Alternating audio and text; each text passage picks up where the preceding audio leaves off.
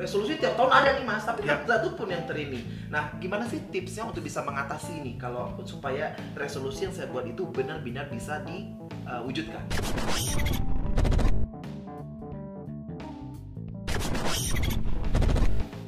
Hai, selamat siang semua. Berjumpa dengan saya, host tamu, uh, Rudi Canenggo dalam Leadership Toolbox Podcast bersama Ronald Tuhatu, seorang psikolog organisasi dan konsultan sumber daya manusia. Apa kabar sore ini Mas Ronald? Baik, Mas Rudi Oke. dan selamat tahun baru. Selamat tahun baru Selamat 2021 juga Selamat untuk para gongsi-gongsi. ya. Oke, Mas Ronald kan berhubungan dengan topik kita pada hari ini ya, eh, berhubungan dengan 2021 ini nih. Eh, pembahasan yang akan kita bahas pada itu ada orang yang sering menyebut itu namanya resolusi, Ya. resolusi ya. Ya. Dan kita juga yakin semua orang pasti punya resolusi termasuk saya sendiri nih mas. Tapi ada beberapa hal yang nggak paham nih. Hmm. Ada sebenarnya dan untungnya nih ada uh, toolbox leadership ini tuh gunanya kita paham sekali. Ya. Uh, saya pengen mewakili pada semua penonton nih. Sebenarnya resolusi itu apa sih artinya Mas Ronald? Iya, Mas Rudi. Jadi resolusi adalah janji kita. Ya, kalau gampangnya New Year Resolution adalah janji kita untuk tahun 2021. Apa yang mau kita lakukan yang lebih baik dari tahun sebelumnya. Itu kira-kira gampangnya New Year Resolution. Dan kenapa sih ada New Year Resolution ini? Karena kita mau memanfaatkan hari baru, bulan baru, tahun baru, energi baru. Nah, jadi ini kalau kita bicara momentum ya, sama kalau dalam uh, perusahaan di awal tahun ya, mereka membuat objektif sasaran untuk tahun 2021 mau ngapain. Oh, kick off lah, apa Kick off. Oh. Betul. Nah, jadi sama.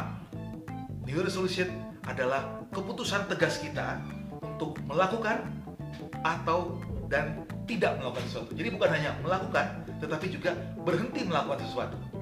Berarti berhubungan dengan janji itu sesuatu yang harus kita tepati dan kita jalani berikutnya ya. Nah, sekarang tuh kita melihat resolusi itu kan banyak kadang-kadang cuma ngikutin ini apa ikut-ikutan mas. Ya, Orang bikin resolusi, saya bikin resolusi. Ya. Tapi seberapa keberhasilannya kita nggak tahu nih. Hmm. Sebenarnya menurut Mas Ronald, eh, keberhasilan resolusi, janji yang Hmm. sudah saya ucapin itu tuh apa sih bentuknya dari eh, penelitian ataupun observe-nya Mas Ronald?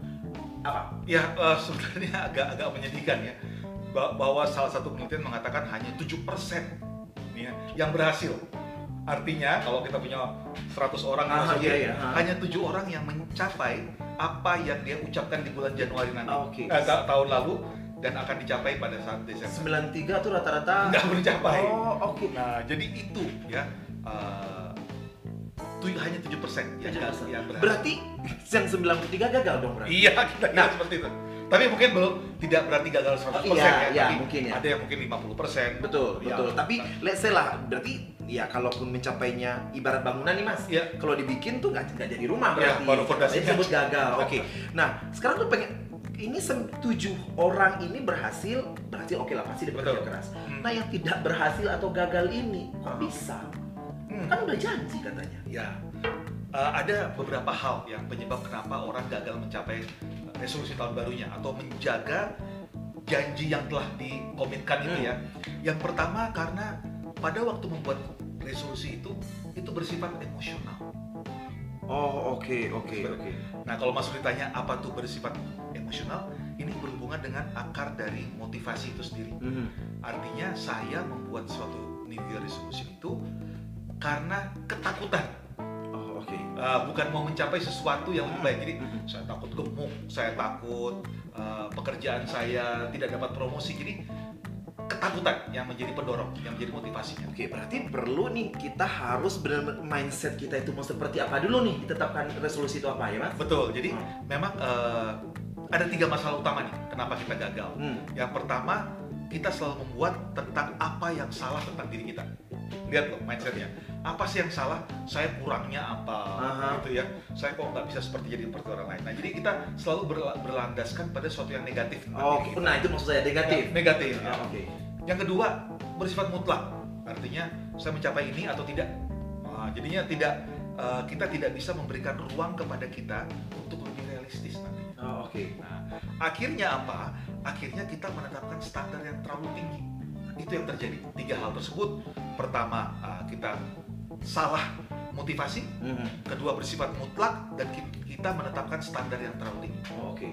Jadi kalau kita semua berarti itu nggak usah muluk-muluk lah istilahnya mas ya, Ya, karena ini betul. kita bicara bukan masalah kayak kick off untuk perusahaan kita ini bikin untuk pribadi jadi mulai Betul. sesuatu yang simple yang memang kita bisa Ya. akan achieve di Betul. akhirnya itu kan nah Nah, kalau ini kayak gagal nih mas Ya. beberapa tuh gagal itu Ya. ada nggak sih tim cara mengatasi nggak mau lagi Hmm. mungkin orang para para penonton semua tuh mungkin dua eh, 20 eh, 18 19 20 20 resolusi tiap tahun ada nih mas tapi Ya. tak satu pun yang terini nah gimana sih tipsnya untuk bisa mengatasi nih kalau supaya resolusi yang saya buat itu benar-benar bisa diwujudkan Oke, baik. Eh, ada beberapa hal yang bisa kita lakukan.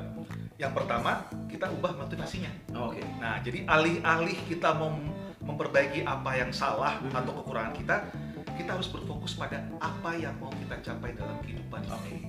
Jadi, mindset positif mindsetnya ah, positif kan beda ya. ya Ah, jadi saya takut kurus, eh saya takut Saya gemuk, takut gemuk. tapi saya sehat. Hmm. Nah, motivasinya kan beda kan? Iya, Nah, jadi karena kalau saya takut gemuk, mungkin kita hanya mengurangi iya berat badan. Nah, tapi kita lupa bahwa kita juga sebenarnya perlu makan, perlu energi, apalagi kalau ada pekerja keras. Nah, jadi kita ubah motivasinya, ya.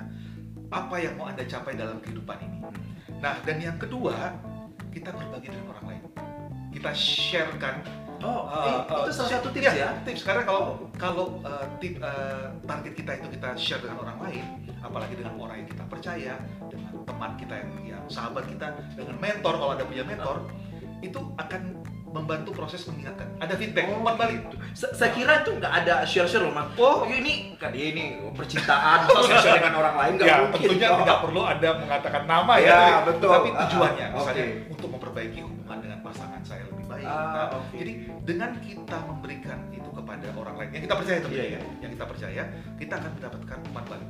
Nah, kan ini, sama. ini khusus untuk yang berbagi dengan orang lain mungkin di skip untuk masalah uh, loving story ya Mas? Ya, ya. mungkin kalau anda percaya dengan uh, teman anda itu nggak apa-apa. Oke. Ya kan sama kan mungkin kayak- pengalaman dari Ya. Saya nggak tahu ya. Ya. tapi itu bisa salah satu ya share Ya. oh ternyata share itu bisa karena gini, gampang aja kan. Anda naik mobil, Ah. kan kita ada dashboard. Dashboard apa? Kecepatan kita berapa? oh iya, iya. Nah, jadi Anda Reminder perlu, ya? ya reminder. Ah. Anda perlu dashboard untuk supaya dapat melihat, oh saya sudah sampai belum? Bensinnya masih ada nggak? Nah itu perlu di dashboard. Itu perlunya kita berbagi dengan orang lain. Oh, mungkin kalau kita ambil itu biar penonton analoginya kelihatan ya Mas ya. Iya. Saat gue tuh mau eh, nanti bulan Desember gue mau eh, beli mobil lah gitu Iya betul. Itu resolusi itu. Resolusi ya. Nanti kalau saya saya lupa berarti Mas Ronald bilang, "Ruth, kan lu mau mobil. Iya. Udah berapa tabungan lu?" Betul. Ah, Kenapa oke. kamu beli uh, jam tangan atau beli uh, HP baru? Ah. Kan nggak perlu. HP masih bisa dipakai. Coba kamu tetap uh, fokus kepada itu. resolusi? Nah, Oh, jadi kita iya, lihat. iya, Jadi iya. uh, dashboard dalam kehidupan itu juga perlu kita melihat ya. Uh, kan kita kan juga kalau kita medical check up kan, oh darah kita, kolesterol Iya, kita, iya, nah betul. semuanya. Nah tentunya ini sama dengan resolusi kita. Kita bisa membuat suatu dashboard untuk melihat kita sudah on track atau kita agak keluar rel. Nah itu feedback itu fungsinya berbagi dengan orang lain ya dengan orang yang kita percaya. Nah pastikan tingkat kepercayaan anda Oh, tinggi dengan orang tersebut dengan sahabat kita yang saling mungkin juga anda juga menjadi feedback bagi dia. Nah itu. Jadi guys nih kalian tuh harus benar-benar tahu ya. Gue juga baru tahu nih kalau berbagi dengan orang lain itu juga merupakan salah satu eh, apa nama kategori kalau ingin mencapai resolusi setiap tahun. Tapi betul juga benar-benar Mas saya baru yakin. Oh iya dengan itu Ya, benar ada reminder. Kan sama kalau di perusahaan kan anda target anda apa? Katakanlah uh, Mas Rudi adalah manajer saya. Iya. Saya anak buahnya Mas Rudi kan nanti Mas Rudi ngecek, eh sudah tercapai belum? Oh, iya, Nah, iya, kan iya. sama. Jadi Iya, iya. ini juga kita perlu ada dengan orang yang kita percaya, saling memberikan umpan balik. Betul, itu betul. dan tampaknya itu yang lebih uh, berpengaruh kepada kesuksesan kita mencapai. uh, lebih workable lah kalau gitu Iya, Mas, ya. iya, iya, iya. Menarik begitu jadi jadi baru kepikiran tuh mas kalau begitu beneran beneran harus ada jadi oke lah dia nggak bisa membantu dalam segi materi atau beli contoh ke mobil-mobil tadi ya mas paling tidak dia reminder eh lu udah sampai berapa Betul, betul. eh lu masih Iya. karena mungkin kesibukan gitu lah oh iya Iya. benar gitu oke oke jadi guys itu memang harus salah satu yang penting itu kalau untuk harus share tapi catatan kakinya adalah harus dengan orang-orang yang kita Yang kita percaya, sahabat kita lah, ya. betul, betul, betul. Nah, sekarang pertanyaan berikutnya nih Mas, kalau udah tadi tuh dua uh, Ya. teknik ya. Jadi ada nggak sih cara khusus ini metode uh, untuk cara pendorong bagaimana kita menjadikan resolusi yang gue bikin tuh efektif gitu loh. ada kita bisa ini kan ilmu neuroscience ya bagaimana kita otak kita mempengaruhi kita dalam bertingkah laku ya Eh, itu juga men- eh, ada suatu metode yang baru namanya op- emotional energy of future vision nah jadi kita menggunakan energi untuk visi kita ke depan Ingat tadi waktu yang pertama yang saya katakan kegagalan karena kita mulai dari ketakutan. Nah kita balik yang tadi Mas Rudi katakan positif ya. Visi kita menjadi apa? Nah, misalnya saya mau punya mobil tahun uh, bulan Desember. Nah, itu kita jadikan energi untuk mendorong kita menabung. Uh, itu menjadi energi kita untuk mendorong kita lebih hemat lagi dalam bidang lain. Iya. Nah, karena kita tahu saya mau mengalokasikan 25% dari pendapatan saya untuk membeli mobil. Jadi, using energy of future vision. Beruntung nih saya dapat eh, bertemu dengan orang psikologi ahlinya. Jadi memang kalau dilihat kan menggunakan ya itu eh, apa visi di Visi depan, depan, future di depan itu untuk Iya. bisa membangkitkan saya untuk mem- mem- membangun resolusi saya untuk tahun ini gitu. Betul. ya. Oh. Mas Ronald tadi kan kita bicara masalah metodenya itu ada neuroscience of change. Ya, Nah, betul. Canggih sih sebenarnya, tapi bisa nggak sih Mas dikasih tahu ke kita semua nih, saya Hmm, khususnya hmm, hmm. mewakili para penonton mungkin di sini eh, seperti apa sih contohnya neuroscience of change yang Mas Ronald maksud itu? Nah, jadi kalau kita mau menerapkan uh, metode tersebut, Hmm. ada dua pilar utama. Hmm. Ya, pertama, New Year Resolution ini harus selaras dengan visi kehidupan kita. Oke, jadi nggak nggak boleh keluar ya? Iya, iya, dong, jangan, karena itu kan kita termotivasi dari apa yang mau kita capai. Betul. Nah, bukan ketakutan. Jadi ingat sekali lagi, Iya. harus terhubungkan dengan visi kehidupan kita. Kalau dalam organisasi itu kan visi misi dari uh, organisasi itu apa, ya. itu akan diturunkan menjadi uh, objektif untuk tahunan. Nah, sama. Kita mau jadi apa? Bukan karena ketakutan. Itu yang pertama. Dan yang kedua, kita harus punya sistem bagaimana untuk cara melangkah maju. Nah, jadi ada sistem juga. Hmm. Jadi tidak hanya punya visi misi, tetapi nggak ada mesin yang menjalankannya, sistem itu. Nah, dua pilar utama inilah yang akan kita gunakan untuk menciptakan uh, New Year Resolution kita. Eh, tanya berikutnya lagi tuh kalau resolusi itu kan dibikin mas tahun gitu deh. Hmm. Ada nggak sih atau worth it atau make sense nggak sih kalau ada perubahan di tengah-tengah? Oh iya. Jadi ini ibarat target perusahaan karena contohnya mas. Betul, Tiba-tiba oh. Oh pastinya, pastinya kan sama seperti kita punya dashboard tadi ya. Ya. Jadi kita contoh langsung aja contoh ya.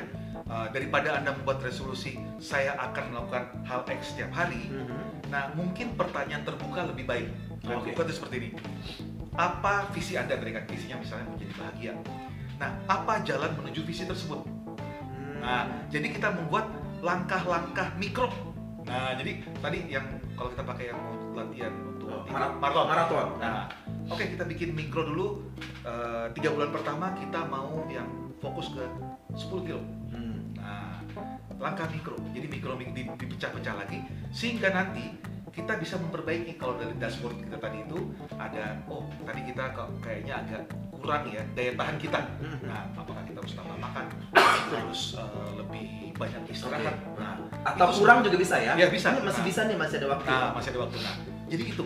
Jadi eh, kita harus ada punya sasaran antara. Nah, Ah, jadi oke. jangan langsung besar. Saya mau ikut olimpiade. Wah, itu bulan kedua udah pasti gagal. Gitu ini, ya. ini pernah mungkin uh, contohnya bisa lihat kayak saya pernah dengar tuh kata mau mau nggak mau makan makan ikan hiu katanya. Ya.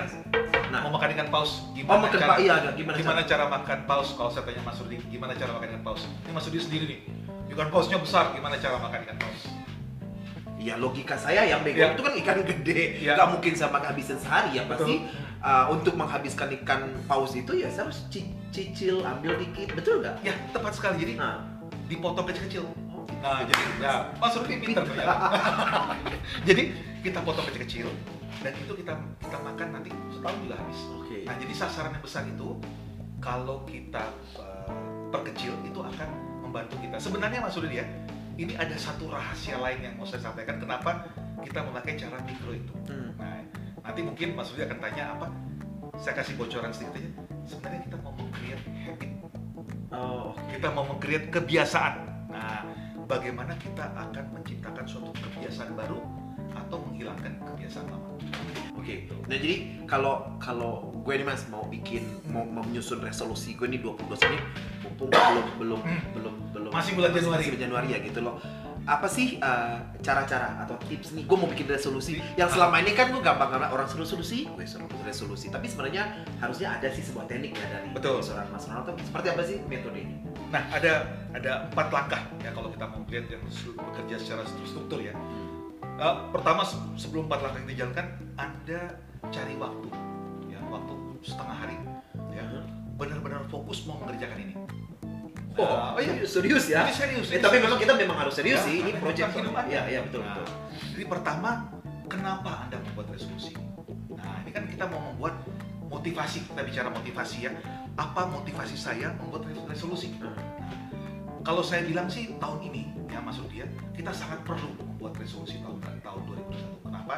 Karena pandemi kemarin kan dan masih berlangsung ya. Oke. Dan dunia banyak berubah ya. Cara kerja berubah, work from home, Hmm. bekerja dari rumah. Sekolah online daring ya. Meeting-meeting juga sekarang Zoom kita mau ber Zoom berpikiran. Nah, eh, banyak hal yang berubah dan tampaknya dunia akan berubah dan memang sudah berubah. Nah, jadi kita harus menyesuaikan. Jangan Oh. sampai kita masih menggunakan pola lama. pola lama. Exactly. Nah, jadi motivasi Anda. Nah, ini saat yang tepat nih 2021. Nah, itu yang pertama. Yang kedua, setelah Anda punya motivasi, Anda akan merubah pola pikir paradigma. Hmm. Nah, paradigma lama bahwa kalau kita rapat tuh harus tatap muka kan sekarang Zoom. Di Zoom. Nah, ubah paradigmanya, saya bisa. Nah, tapi kan sekarang pertanyaan bagaimana saya bisa merasa dekat dengan katakanlah Mas Rudi bos saya melalui meeting Zoom. betul betul betul. Nah, itu banyak kan tuh Mas. Ada tekniknya nanti Iya, ada kita Oh, bicara oke. di modul lain lah ya. Tapi paradigma bahwa meeting itu sekarang bisa melalui Zoom. Oke. Nah kita harus mengubah paradigma itu. Rubah dulu di otaknya. Baru habit kita akan muncul baru. Oke. Nah yang ketiga kita menciptakan uh, latih kebiasaan baru. Oh sekarang rapat bisa dengan Oh yang baru itu ya. Oke. Uh, bahwa itu juga uh, bahkan sekarang kan juga presiden kita juga rapat dengan Iya. Zoom. Jadi sudah menjadi norma baru. Iya. Nah kita latihkan Itu menjadi kebiasaan sekarang jadi Mas ya. Ya, sama juga kayak online training. Iya. Ya, uh, meskipun ada kekurangannya, tapi kita harus tetap mencoba menggunakan daripada tidak belajar sama sekali. Beradaptasi dengan teknologi, gitu ya. Dan kedua, uh, yang langkah keempat, mulai sesuatu dengan yang mudah. Nah, ini kalau uh, kita dengar tuh dalam teori manajemen quick wins. Nah, Oh, iya, itu iya, kan. iya. nah kita mulai sesuatu yang mudah. Jadi kalau misalnya Mas Rudi uh, murid-muridnya di kelas uh, kalau ngajar di kelas ya daripada latihan langsung 30 menit ayo minggu pertama kita coba 15 menit nah baru naik pelan-pelan nah jadi empat langkah itu membuat motivasi yang benar Iya, ya. benar.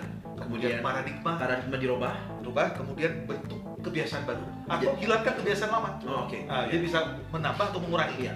dan yang keempat tadi dengan membuat sesuatu yang mudah dicapai. Yang bahasa Inggrisnya workable doable.